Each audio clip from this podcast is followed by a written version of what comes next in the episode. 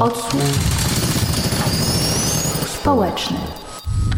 Witam w kolejnym odcinku Odsłuchu Społecznego, podcastu o tematyce społeczno-politycznej. Przy mikrofonie Jakub Piasecki, a moim gościem jest dzisiaj Marek Szymaniak, autor książki Zapaść, reportaże z mniejszych miast. Witam Cię Marek. Cześć. I to właśnie o zapaści małych polskich miast będziemy dzisiaj rozmawiać. Według Polskiej Akademii Nauk niemal połowie z 255 średnich miast w Polsce grozi społeczno-ekonomiczna zapaść. Każdy Twój rozdział jest em, o nieco innej tematyce, ale dwa pierwsze rozdziały są o pracy, czyli o, o tym, że jej nie ma, albo o złych stosunkach panujących w tej pracy. I wydaje mi się, że e, nieprzypadkowo właśnie od tego tematu e, zacząłeś swoją książkę. Ja to widzę troszeczkę inaczej. Według tego, co ja sobie założyłem, pierwszy rozdział był, to oczywiście wątek pracy, no słusznie jakby zauważasz, pojawia się, bo to jest jakby wielowymiarowy temat, ale pierwszy rozdział e, jest przede wszystkim o wyludnieniu, jak dla mnie, czyli, czyli e, tym, że ludzie wyjeżdżają z mniejszych miejscowości. I oczywiście jeden z powodów jest praca, dlatego jeden z głównych powodów, dlatego ona też jakby jest e, szerzej poruszona w kolejnym rozdziale. Mm, Ja sobie tak ułożyłem e, tą książkę, żeby, żeby właśnie ten pierwszy rozdział pokazujący, że wiele osób z tych mniejszych miejscowości wyjeżdża, e, a w kolejnych jakie są przyczyny mniej więcej i główne problemy stojące za tymi decyzjami ludzi, którzy, którzy wyjeżdżają. Oczywiście pewnie Pewnie nie wszystkie opisałem, pewnie dałoby się jeszcze kilka rozdziałów tam dopisać, ale tak myślę, że to były takie jakieś e, najważniejsze e, problemy, które spotykają no, osoby, które żyją w tych mniejszych miejscowościach. No właśnie, i jakie e, problemy dotyczące, może zacznijmy na razie od tej pracy, jakie problemy dotyczące tej pracy sprawiają, że tak ciężko żyje się obecnie w tych właśnie małych polskich miastach, około kilkudziesięciu tysięcy Mhm. mieszkańców. No tak, to, to, to oczywiście też jest jakby wielowymiarowa kwestia. Z jednej strony jak e, wygląda oferta pracodawców e, na miejscu, co oferują miejscowe zakłady pracy, jeżeli w ogóle oferują. Ja w książce opisuję przykłady e, no, miejscowości, które gdzieś tam w dużym stopniu gospodarczo opierały się i też społecznie opierały się na, na jakichś dużych zakładach, które w okresie transformacji i po niej e, upadły, mm, albo je zlikwidowano, albo nieudolnie prywatyzowano. I pokazuje to, w jaki sposób e, samo to już e, oddziaływało na lokalny rynek pracy, jak e, sprawiało, że no, wiele osób musiało z, tego, z tych mniejszych miejscowości właśnie wyjeżdżać ze względu na wysokie bezrobocie, ale też pokazuje na przykładzie bardziej, przykłady bardziej współczesne, takie jak chociażby tak z północy Polski, gdzie no, przez lata właśnie po tym transformacyjnym okresie no, miasta borykały się z, z dużym bezrobociem i ciągle to bezrobocie przez dekady się tam właściwie utrzymywało. Jak e, no, jakby miejscowi musieli sobie radzić. No, opisuję na przykład przypadek chłopaka, który wyjechał tak jak wielu do, do Wielkiej Brytanii e, za pracą, no bo na miejscu po prostu nic nie mógł znaleźć sensownego, co pozwalałoby mu, nie wiem, prowadzić jakieś godne życie albo chociaż w miarę stabilne. Wjechał za granicę i wrócił tak naprawdę po, już nie pamiętam, bod- bodajże po 12 latach i wydawałoby się, że to jest już taki okres, w którym coś mogłoby się zmienić na lepsze. I odrobinę lepiej oczywiście było. Znalazł pracę, e, więc to jest pewnie lepsze, ale nadal ta relacja z pracodawcą, tak jak on to określał, no, no nie było równowagi, mówiąc, mówiąc I wprost. to, tak? to chyba była duża różnica e, w tych relacjach e, Z pod względem tego, co tak, on odczuwał. porównaniu z jakby- Zachodem. Tak, bo tam oczywiście też przeszedł dużą drogę. Nie ma co się oszukiwać, że osoby, które wyjeżdżały na emigrację, to trafiają od razu w idealne miejsca. On też pracował fizycznie ciężko przez e, no, wiele godzin dziennie i, i też bez wolnych weekendów i tak dalej. No ale przeszedł jakby pewną drogę od pracownika takiego fizycznego, potem już pracował w biurze, więc jakby jak na migranta, emigranta już jakby no powiedzmy wyżej, kilka szczebli wyżej. Opanował język angielski, więc już e, był bardzo podmiotowo tam na miejscu traktowany i też mógł powiedzmy zmienić pracę, gdyby miał taką potrzebę. Kiedy wrócił do Polski, to okazało się, że te jego umiejętności, no chociażby jakieś tam, bo on pracował w dzisiaj byśmy to powiedzieli w jakichś HR-ach czy jakichś rekrutacjach, no na niewiele się jakby na lokalnym jego rynku pracy zdają.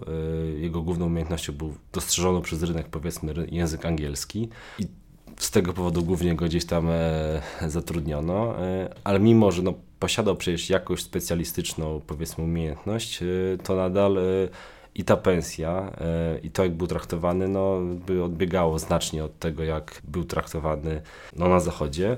I on sam mówił, że no, spodziewał się, i to, to jest jakby dość logiczne, że kiedy wraca z, z emigracji, to będzie zarabiał, zarabiał mniej. No, na mniejsze zarobki był, był trochę gotowy, chociaż mówił, że nie aż tak, ale najbardziej go zdziwiło podejście do samego człowieka, do, do, pracownika, że obiecuje mu się jedno, dostaje drugie na umowie, że obiecuje się mu, nie wiem, premię, tej premii nie ma, dostaje się albo mniejsze, albo wcale jakiś awans, ktoś gdzieś jakąś wizję awansu roztacza, a tego też potem, potem nie ma. I on no dość w dosadnych słowach mi o tym, o, o tym opowiadał. Też jest takim człowiekiem dość, bym powiedział, nieprzebierającym w słowach.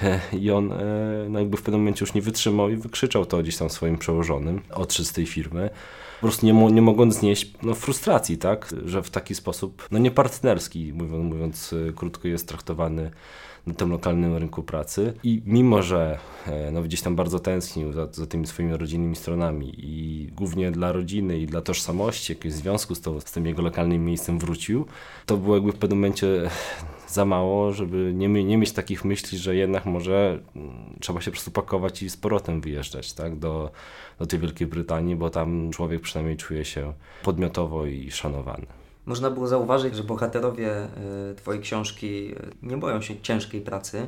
Tak samo ci, którzy e, z nostalgią wspominają te zakłady, które potem zostały zamknięte w, czasie już trzeciej RP, też wspominają tę pracę jako ciężką, ale jednak taką, w której budowała się jakaś społeczność, w której czuli się docenieni, no i która dawała im jakieś, jakbyśmy to teraz powiedzieli, benefity. No tak, bo to mm, bardzo często o tym się zapomina, tak, że, że, że to praca, e, no, która była oferowana przez te perolowskie tak, zakłady, to nie było tylko to, żeby zapewnić sobie po prostu byt, czyli dostać gdzieś tam wypłatę i, i nie wiem, kupić e, kupić żywność i, i zapłacić rachunki, ale też było to jakby to, co jest dookoła. Oczywiście nie wszędzie działało to dobrze, nie wszędzie no, pewnie w wielu miejscach byłyby jakieś tam układy, ktoś mógł liczyć na więcej i tak dalej, ale jednak e, w wielu tych miejscach i czytałem i, i słyszałem o tym, że jeżeli nie wiem, ktoś miał małe dziecko, to mógł oddać je pod opiekę do, do, do tego zakładowego przedszkola. Mógł e,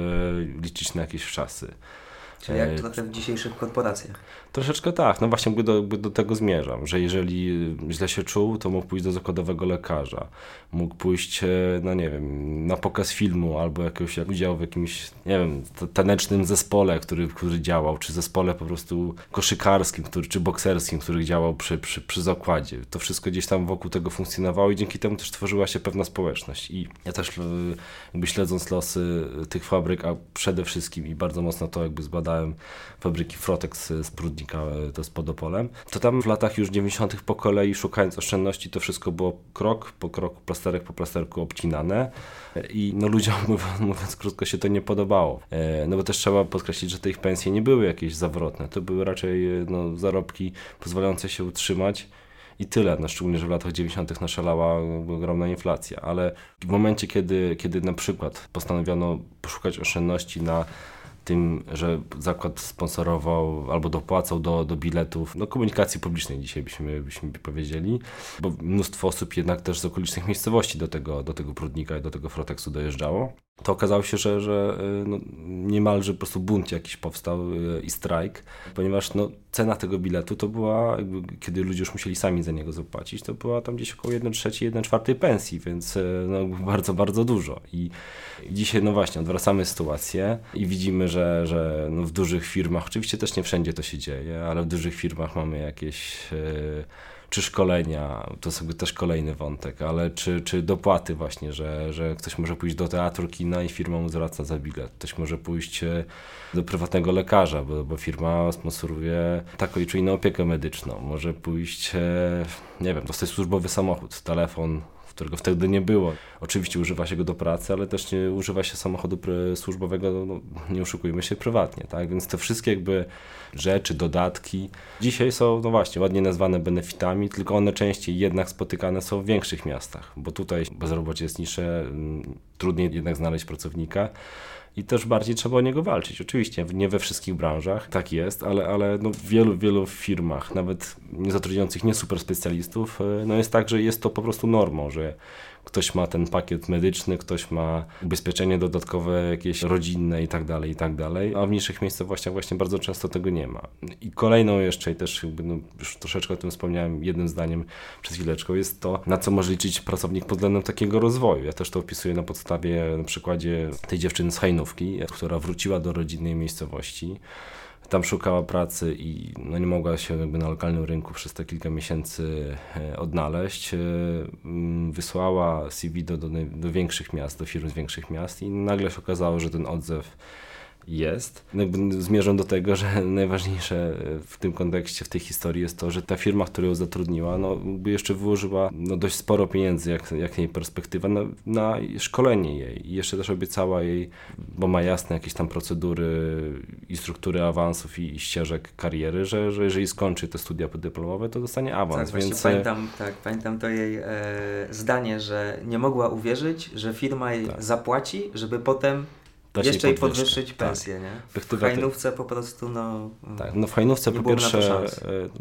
bardzo prawdopodobnie tak, ponieważ no w mniejszej miejscowości po pierwsze zarabiałaby mniej, a po drugie szansa na to, że pracodawca pokryje takie szkolenie jest jednak mniejsza. Prawdopodobnie musiałaby sama oszczędzać z mniejszej pensji, jakby no koszt tych, tych studiów to było już nie pamiętam 7-8 tysięcy czy 9 tysięcy złotych to z pensji, nie wiem, 2,5 tysiąca złotych net, to jest naprawdę nie, nie, nie, nie tak łatwo y, to odłożyć, więc musiałaby dłużej czekać, żeby to większym wysiłkiem uzbierać i potem nie miałaby takiej gwarancji, że już zdobycie tych nowych kompetencji, tego ukończenia tych studiów y, dodatkowych będzie skutkowało tym, co, czym skutkowało w tej dużej firmie, czyli, czyli jakimś awansem czy podwyżką. Być może skończyłaby y, i, i nic by się nie wydarzyło, tak?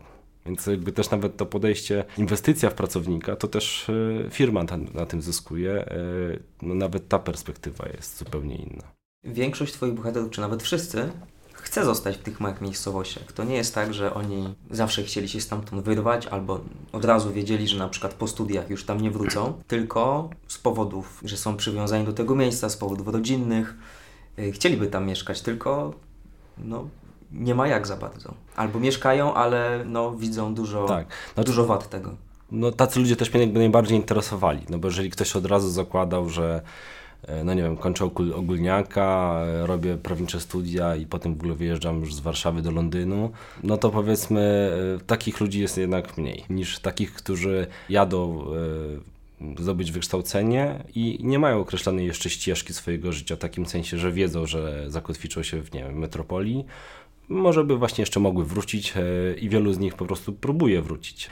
I myślę, że no, nie mam oczywiście w tym momencie żadnych badań na to, ale myślę, że grupa takich osób jest jakby całkiem spora. Na pewno większa od tych, którzy odbierają świadectwo naturalne i palą most do swojego miasteczka, tak? Wiedzą, że już nigdy, nigdy tam ich stopa nie postanie. Tacy ludzie też są pod takim względem interesujący, że ich kontaktom z tych, tymi miastami no, towarzyszą różne historie czy przygody, w takim sensie, że oni próbują najczęściej właśnie wrócić, albo w jakiś sposób sobie e, racjonalizują, dlaczego nie wracać, jeżeli już gdzieś tam się w większym mieście zakotwiczą. Więc takich osób e, jest zdecydowanie najwięcej w, w, mojej książce. No bo też, też z drugiej strony chciałbym, chciałbym pokazać, że to nie jest tak, że, że, że każdy z tych mniejszych miejscowości tak naprawdę e, chce wyjechać i już nigdy nie myśli o powrocie. Ja sam zresztą też jestem tego przykładem, że przez lata myślałem o tym, czy przypadkiem nie mógłbym jednak wrócić. E, no bo jednak fajnie by było mieć tych rodziców blisko, mieć rodzeństwo blisko. Niektórzy znajomi jeszcze z mojego ogólniaka tam zostali. Ja wiem, że kilka osób jednak zostało i to akurat tych bliższych mi,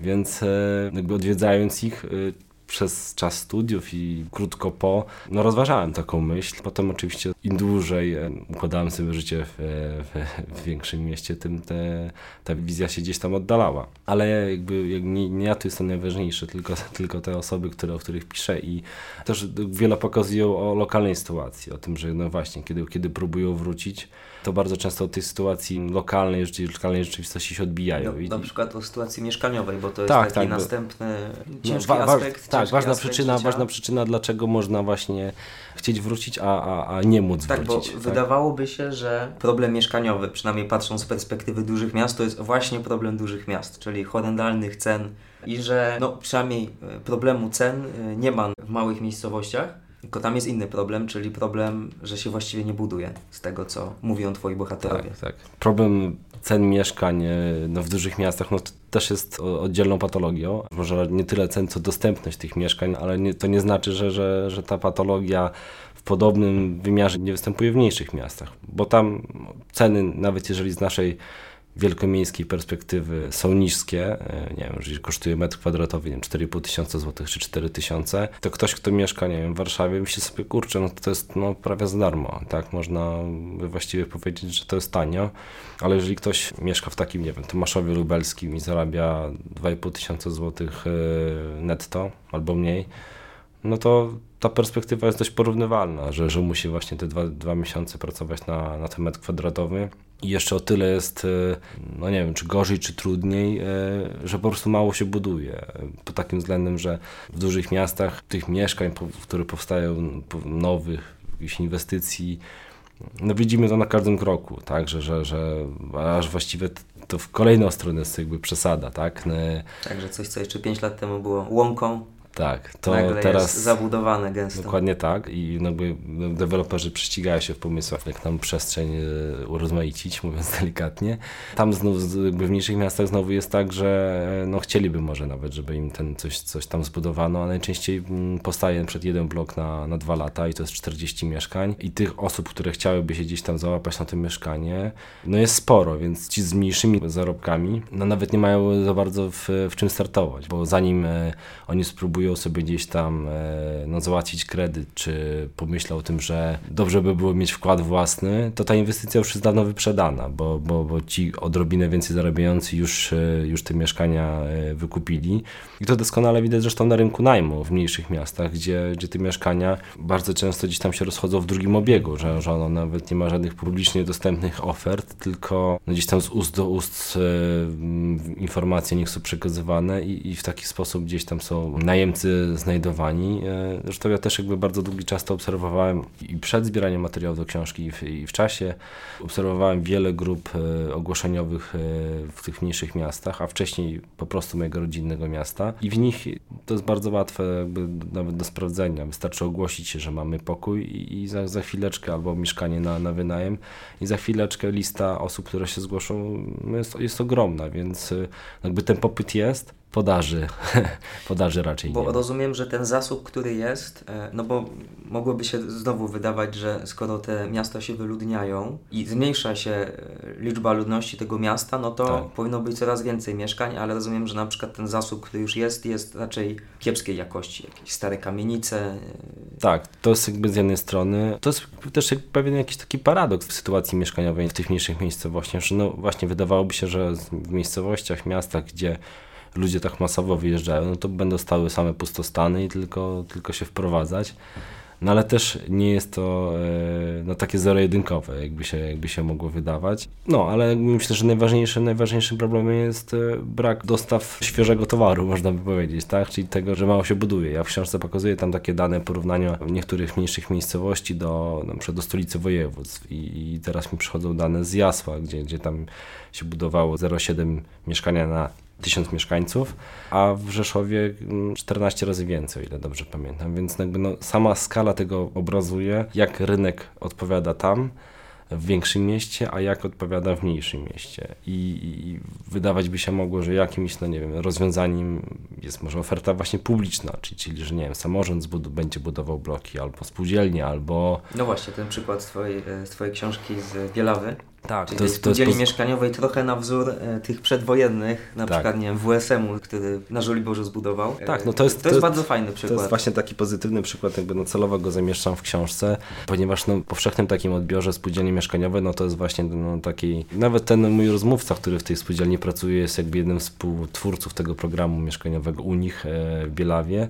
No mówi, że oni są odbierani tak, że oni właśnie siedzą, już tylko gospodarują tym majątkiem, który mają i, i, i nic nie robią, piją herbatę składkę, przyjmują czynsz i tyle. I pewnie w wielu miejscach ten obraz taki właśnie jest yy, naprawdę, że, że, że, że tej yy, spółdzielni nie myślą o tym, żeby zaspokajać po prostu głód mieszkaniowy na miejscu. A oni poszli troszeczkę pod prąd i widząc, jakie jest jakby zapotrzebowanie na mieszkania, spróbowali stworzyć swój własny program tego, żeby te mieszkania dostarczyć e, i to jeszcze w cenie takiej e, niższej niż rynkowa. E, I im się to po prostu udało i to zapotrzebowanie okazało się no, bardzo wysokie i to... Ta mm, anegdota o tym, że jak tak. Nagle jedno mieszkanie się zwolniło, ogłosili to na Facebooku i w półtorej godziny już znalazło nabywców. Tak. Mimo, że jeszcze nie było zbudowane oczywiście. Mhm. W ogóle bardzo szybko było tak, że, że, że, że te mieszkania wszystkie zostały wyprzedane czy zostały wyjęte, no bo to była po pierwsze atrakcyjna forma, tańsza po prostu niż, niż to wychodzi na, na rynku komercyjnym, a z drugiej e, no taka, że niewiele się ryzykuje, bo, bo oni, o ile dobrze pamiętam, mają taką formę, że jeżeli przestaniemy spłacać, to całą gotówkę dotąd wpłaconą dostaniemy z powrotem. Więc dla kogoś, kto e, no, szuka mieszkania, czy w ogóle ma kapitał i, i chce zamieszkać, a to też trzeba jakby mm, nakreślić kontekst, że e, tam jednak sporo osób pracuje za granicą, bo to już jest blisko czeskiej granicy i, i, i, niemieckiej, no to to jest jakby bardzo dobra jakby lokata, tak, w takim sensie nawet, e, nawet kapitału, że, że mają gotówkę zarabianą, nie wiem, na migracji i, i no właśnie kupują po to, żeby na przykład wynająć. To też jest częsty scenariusz. Tych, którzy wyjechali e, za granicę, kupno mieszkania za gotówkę zarobioną za granicą, żeby je wynajmować e, lokalnie. Ta spółdzielnia jest takim właśnie fajnym przykładem mm, próby pokonania tych wszystkich problemów małych miast.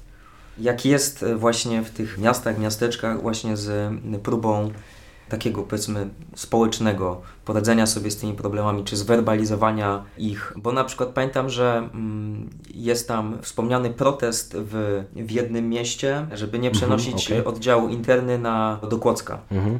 E, I tam pani mhm. mówi, e, twoja bohaterka, że tylko 300 osób przyszło na ten protest i, i że no jak na, jak na wielkość tej miejscowości Nowej Rudy e, to trochę mało.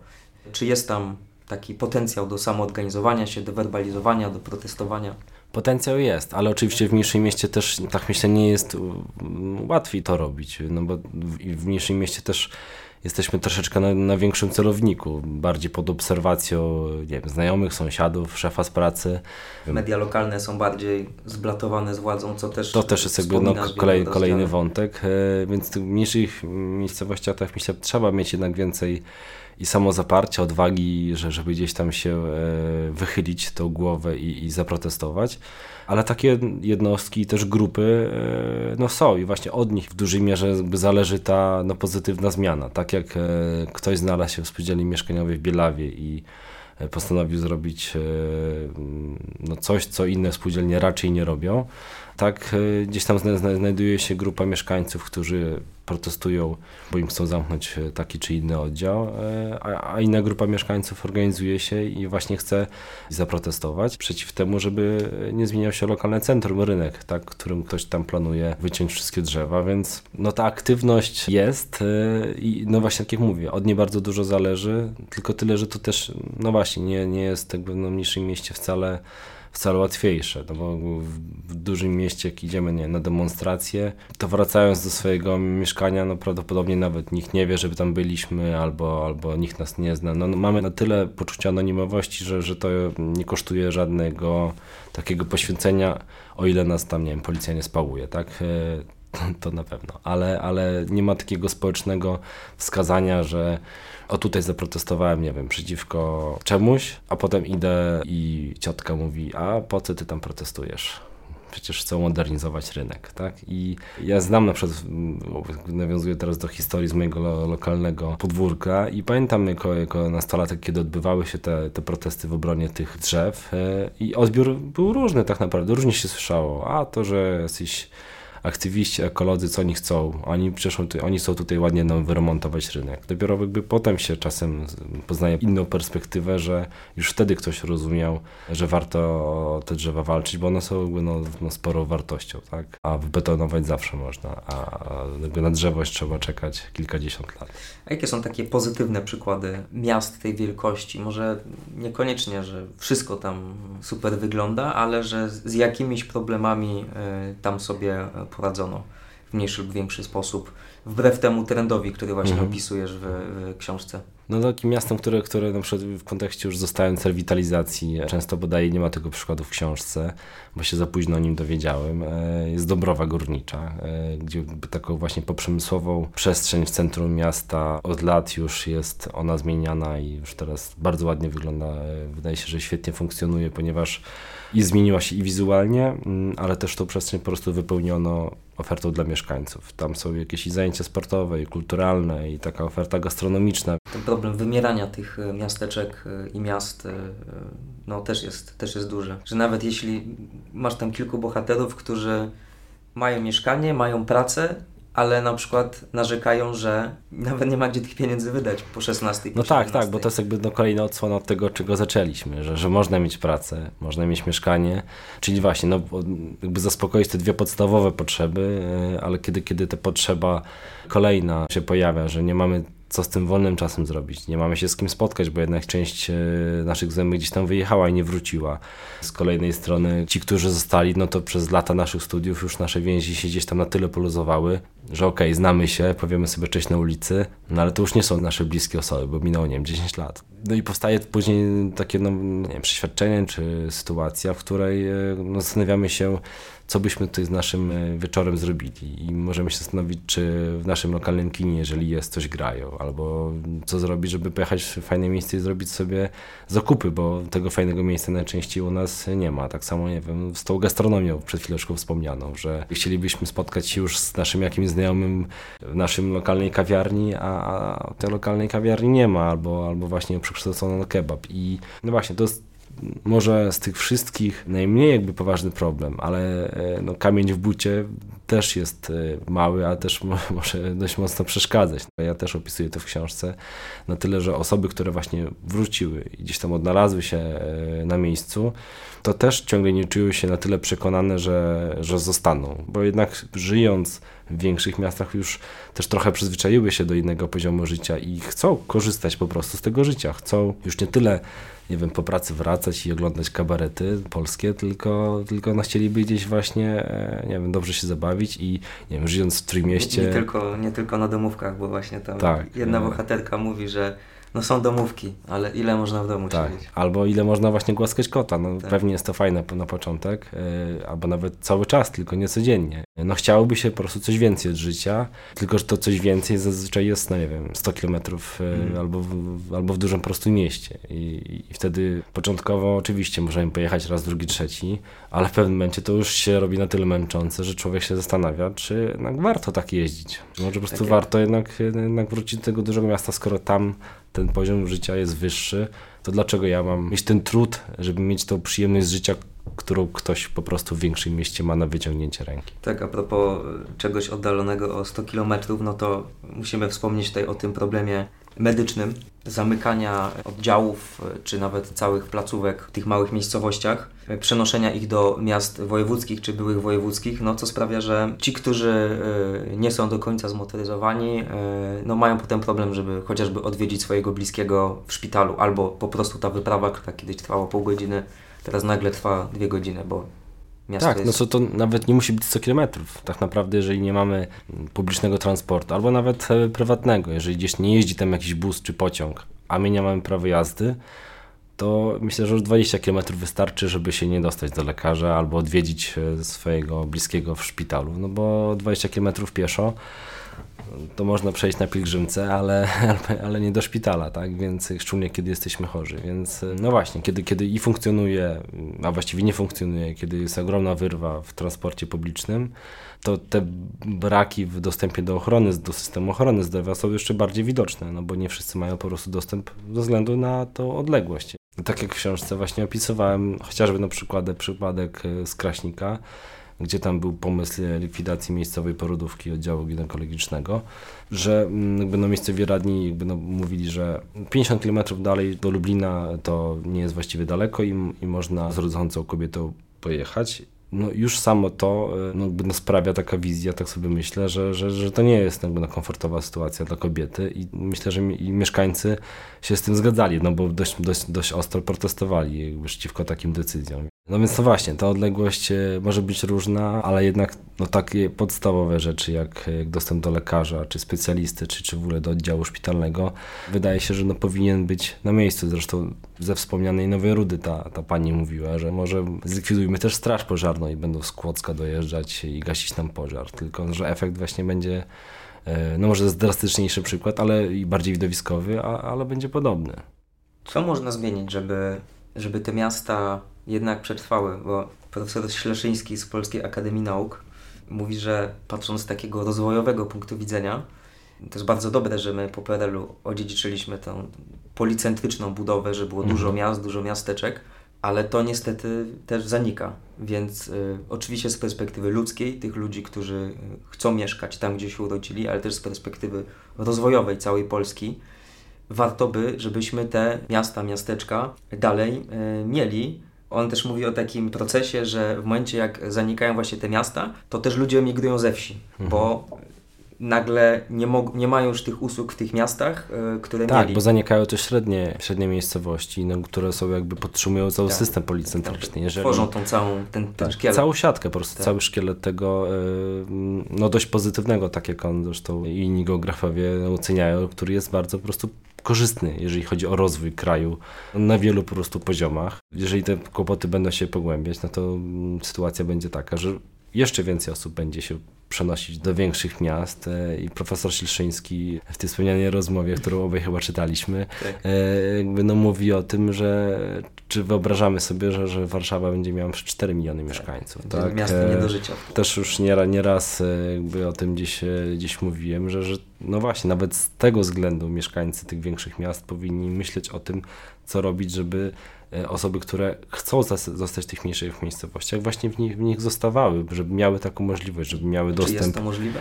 Może praca zdalna na przykład. To jest jakby jeden z gdzieś tam aspektów, które można wykorzystać, ale on nie jest na pewno wystarczający, no bo wystarczy jakby zerknąć statystyki, ile osób w Polsce może pracować zdalnie i to jest no, góra kilkanaście procent e, rynku pracy, więc to jest po prostu za mało.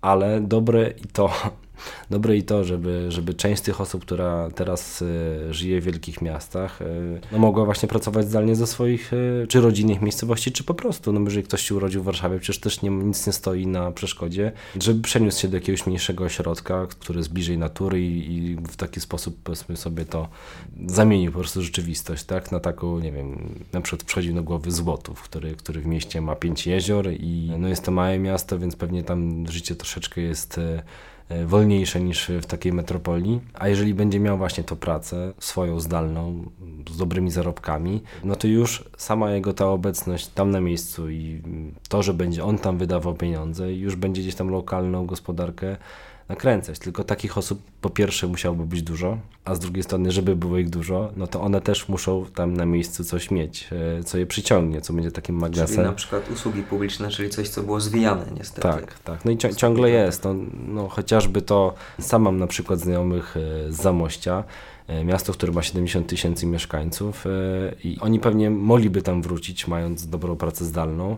Zresztą oni mają dziecko, więc to nie jest jakby hipotetyczna sytuacja, ale no, zlikwidowano tam teraz oddział pediatryczny i tak naprawdę jeżeli myślimy o tym, że mamy małe dziecko, które e, choruje, to nie chcemy szukać w momencie takiej kryzysowej sytuacji lekarza. Nie chcemy szukać tej pomocy w Lublinie 70 km dalej, czy w Chrubieszowie, jeżeli ten 50 km dalej, jeżeli ten oddział tam jest, tylko chcemy, żeby w takim dużym mieście, jak, jakim jest Zamość, po prostu ten dostęp do takiej opieki zdrowotnej po prostu był.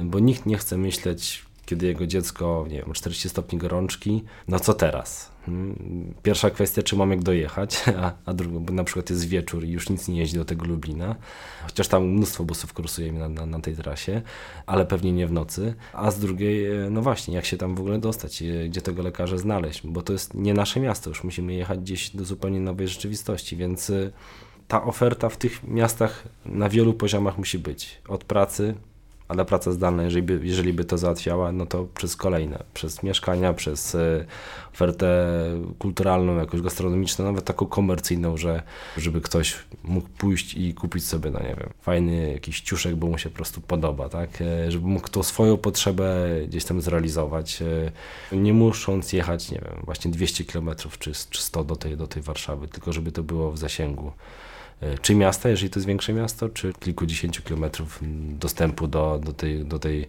miejscowości, odrobinę większą, ale większej, ale, ale w zasięgu jednak. Czyli bądźmy optymistami, chociaż optymizm ciężko, niestety, jeśli chodzi o przyszłość e, tych e, miast. Bardzo Ci dziękuję za dzisiejszą Dziękuję rozmowę. bardzo. Gościem odsłuchu społecznego był e, Marek Szymaniak.